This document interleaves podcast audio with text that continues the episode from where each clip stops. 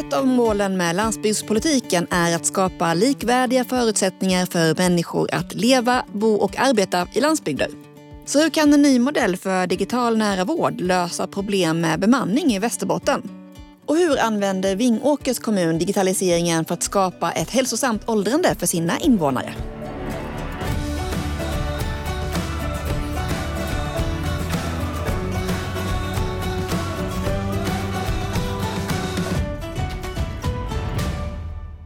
Välkomna till podden Landet med mig, Sandra Nergård Petersen.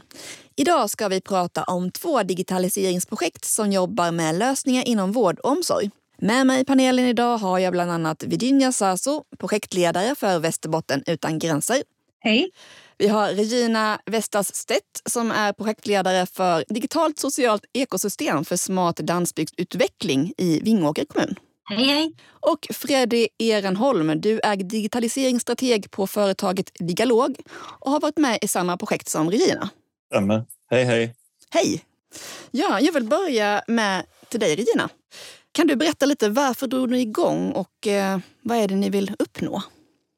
Eh, det har en lång historik egentligen, men eh, ganska, ganska enkel. Att vi har jobbat systematiskt under en längre tid i Vingåkers kommun eh, utifrån en utvecklingsstrategi med visionen att bli Sveriges smartaste landsbygd. Eh, och det är ganska stort och består av många delar, men en av de delarna är att utveckla både vår bygd, servicen och förutsättningarna för invånarna att bo där, eh, men också organisationen och de kommunala verksamheterna utifrån perspektivet att vi är en liten landsbygdskommun och med de utmaningar och förutsättningar som det innebär men också fördelar som det innebär. Eh, så att i det arbetet att jobba med våra verksamheter för att se hur kan vi jobba smartare tillsammans få mer samverkan mellan verksamheterna och framför allt hur kan vi samverka mer med våra bygder och civilsamhället för att liksom växla upp våra kommunala medel och få ut mer pang för pengarna helt enkelt. Mm. Har något exempel på någon av de här utmaningarna som ni kunde se? Ja, den absolut största utmaningen som vi inte är ensamma om är just demografin. Att vi det, det, är inget problem att vi blir äldre, det är ju jättepositivt. Men vi behöver också klara av att matcha det eh, i eh, det offentliga med tillräckligt många som ska ta hand om. Alltså vi är färre som ska ta hand om fler. Eh, och där räcker det inte alltid att man får mer pengar eftersom det inte finns folk att anställa helt enkelt. Vi måste hitta smartare sätt att utföra omsorgsuppdraget på. Freddy, du har ju också deltagit i det här projektet. Och kan du beskriva hur din roll som digitaliseringsstrateg då ser ut? Jag är väl kanske den som mest är utifrån digital infrastruktur, digital utveckling av tjänster och hur vi kan tänka där. Det är väl kanske mina mesta inspel. Men sen har vi generellt jobbat mycket med datainsamling och de äldres behov och träffat olika målgrupper i Vingåker kommun. Eh, jag tänkte på det när du frågade Regina där. Vi har ju ett antal stora trender liksom som påverkar egentligen inte bara en landsbygdskommun idag utan generellt. Till exempel det här med demografiska utvecklingen, eh, urbanisering eller, och digitalisering.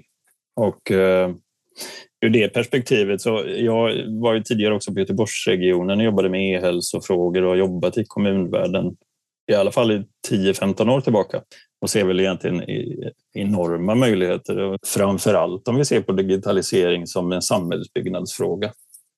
Att det är den digitala infrastrukturen idag som är den som påverkar våra liv allra mest. Men vi har inte blivit så duktiga på att bygga samhället utefter det. Så vi tror när vi pratar om digitalisering att det där är något kallt och farligt och det handlar väl om att räkna och inte göra fel och effektivisera. Men jag skulle vilja säga att det handlar om kommunikation och infrastruktur och bygga ett bättre liv för människor. Och det, det är ett hantverk. Virginia, du finns ju på Region Västerbotten och jobbar med projektet Västerbotten utan gränser om digitaliserad hälso och sjukvård. Vad är det då för utmaningar regionen har som projektet tänkt att lösa?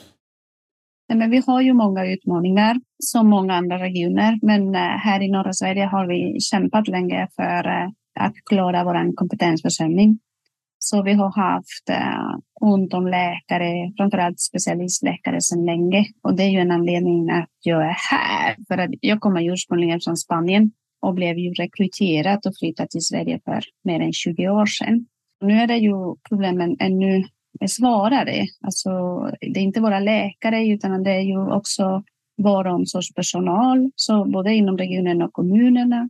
Så det vi, det vi försöker lösa med projektet är ju att, använda, att vi använder tekniken som en möjliggörare för att anknyta kompetens till Västerbotten som annars skulle vi inte kunna få. Och vi har fokuserat på sådana som jag som flyttade till Sverige från andra länder och sen har de åkt tillbaka till sina hemländer. För det händer ju också.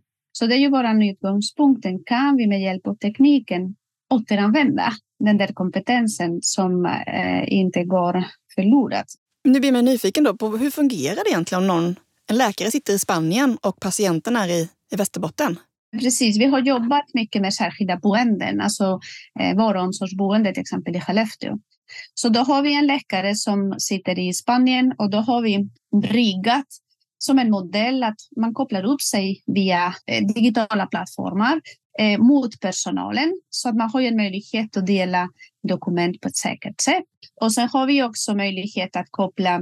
Vi har till exempel en, en robot där på boende som läkaren kan styra och gå till patientens rum om jag behöver träffa patienten direkt och prata med patienten.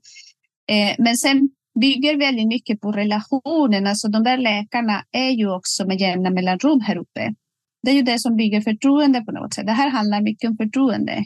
Vi kanske kommer tillbaka till det och det kanske, jag är nyfiken att se hur ni har upplevt i, i ert projekt. Men, men jag tycker att det här som allt annat, det handlar inte om teknik utan att det handlar om människor.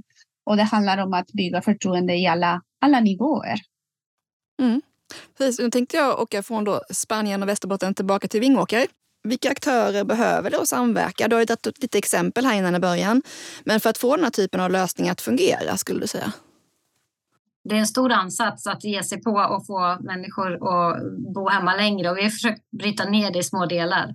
Och den ena delen är ju att dels kartlägga vårt civilsamhälle. Hur ser det ut? Vad har vi för typ av eh, föreningar och aktiviteter och bygdegrupper? Men också hur engagerade är de? Så en del var ju just att koppla till då, eh, ja men som Digalog och Freddy här och vi har Sensap, ett annat företag och också att hitta liksom de här resurserna i civilsamhället. Det var liksom det första steget. Ja, har du några exempel på hur det kan fungera då utifrån vilka behov det finns? Och vår målgrupp är äldre eh, och Många är teknikvana men absolut inte alla. Eh, och en sån funktion som vi använder som vi kallar bubblan där vi har tagit en, en läsplatta helt enkelt och stängt ner funktionen. Alla funktioner i Teams finns men vi har stängt ner det för att det ska vara lättanvändigt. Gränssnittet är väldigt lättanvändigt. Eh, och det är en trygg miljö, det är därför den heter bubblan. Det är kommunens bubbla, vi kan lämna ut dem men ingen annan kan komma åt brukaren, lura dem, bedragare och så vidare utan det är bara vi som kan rigga personliga möten. Men att här försöka se vad vi kan använda den för att skapa ett intresse och våga prova teknik. Att den är lättanvändlig eh, och eh, då kanske det inte är det här avancerade vårdsamtalet eller någonting vi har börjat med utan då har vår verksamhet inom biblioteket kommit in som en resurs och håller fikastunder och pratar om vad de själva nu vill prata om. Det är väldigt så här avväpnande att våga prova den.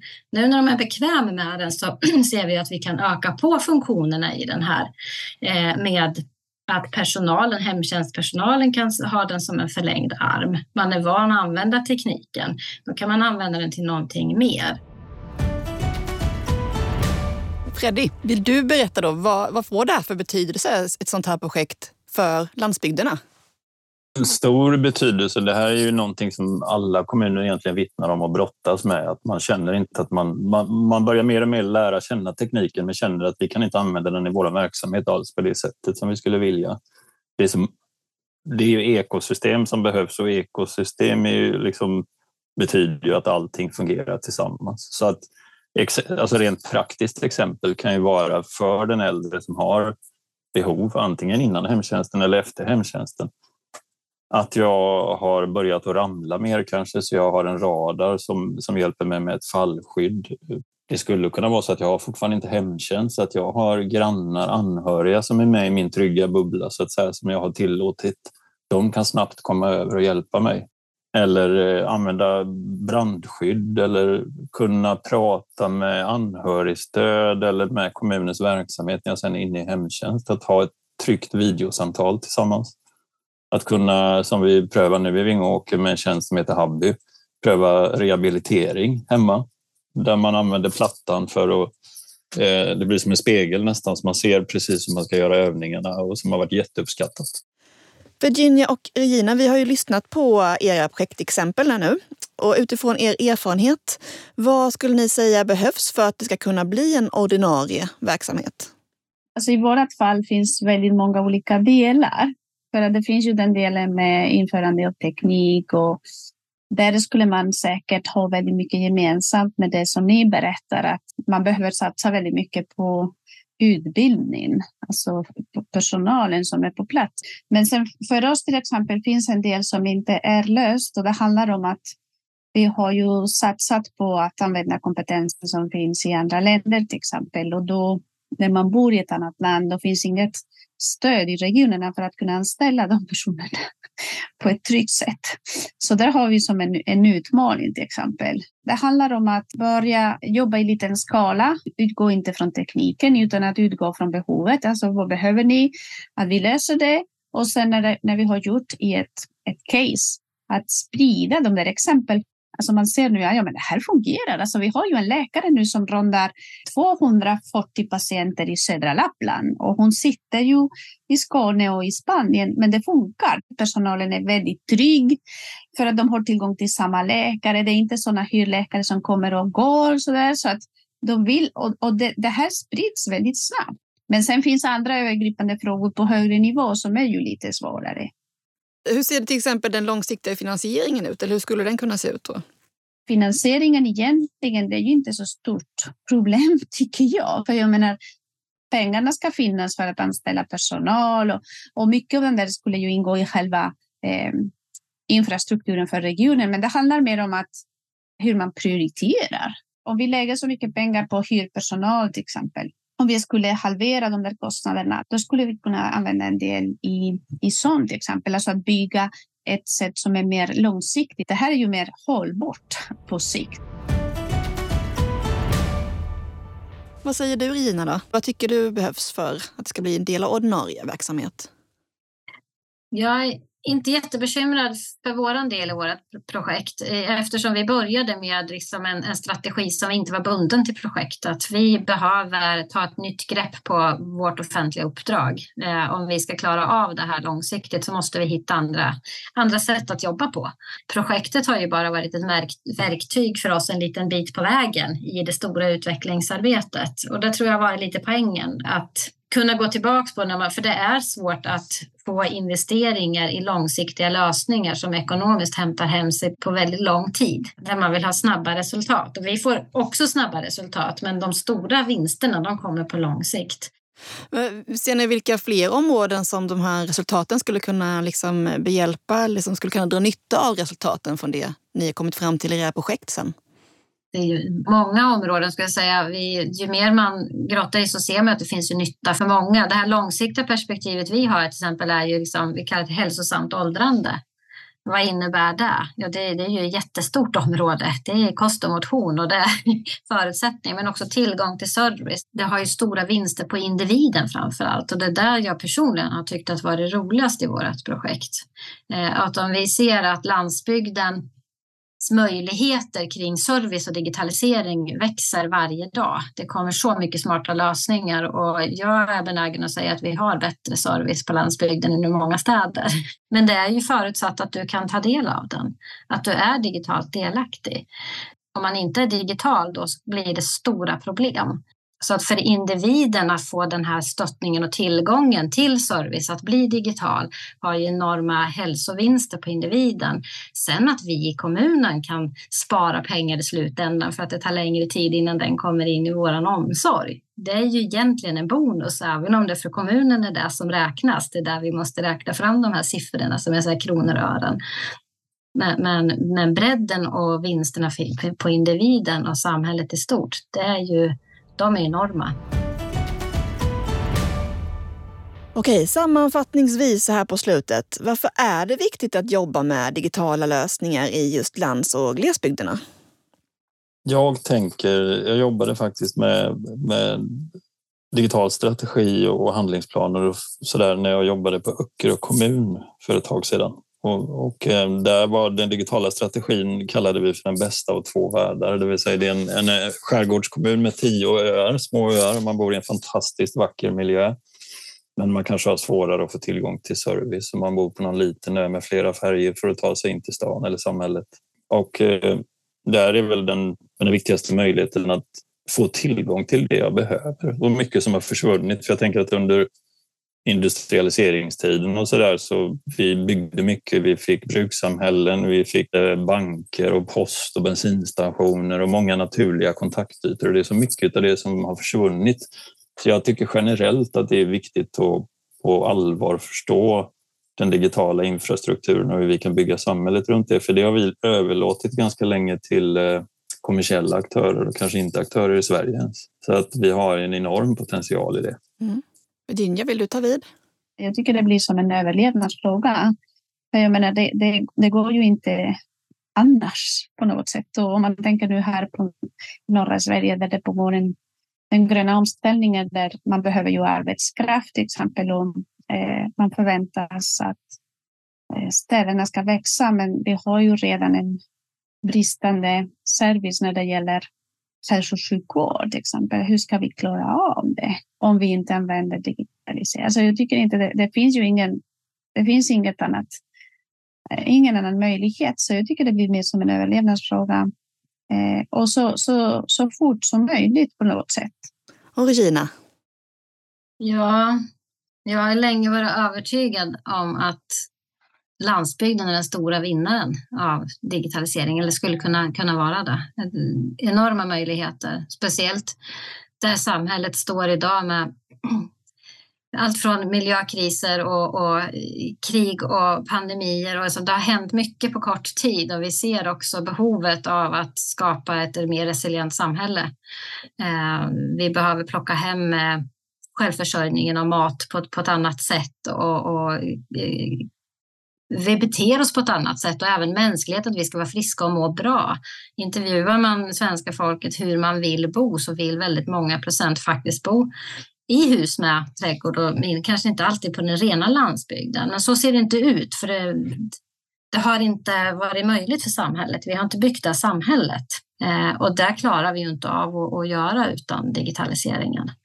Eh, men, men fler skulle som upptäcker möjligheten att, att, tillgången till service idag är väldigt bra när man bor på landsbygden. Om vi ökar den och förutsättningarna då, då tror jag att vi, vi, vi får ett, ett mycket hållbarare samhälle. Mm.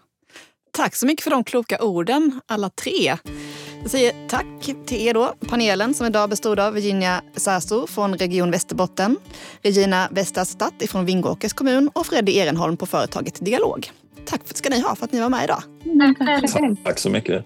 Tack också alla lyssnare. Podden Landet görs av Landsbygdsnätverket. Producent var Ingrid Whitelock och jag heter Sandra Nergård Petersen. På återhörande.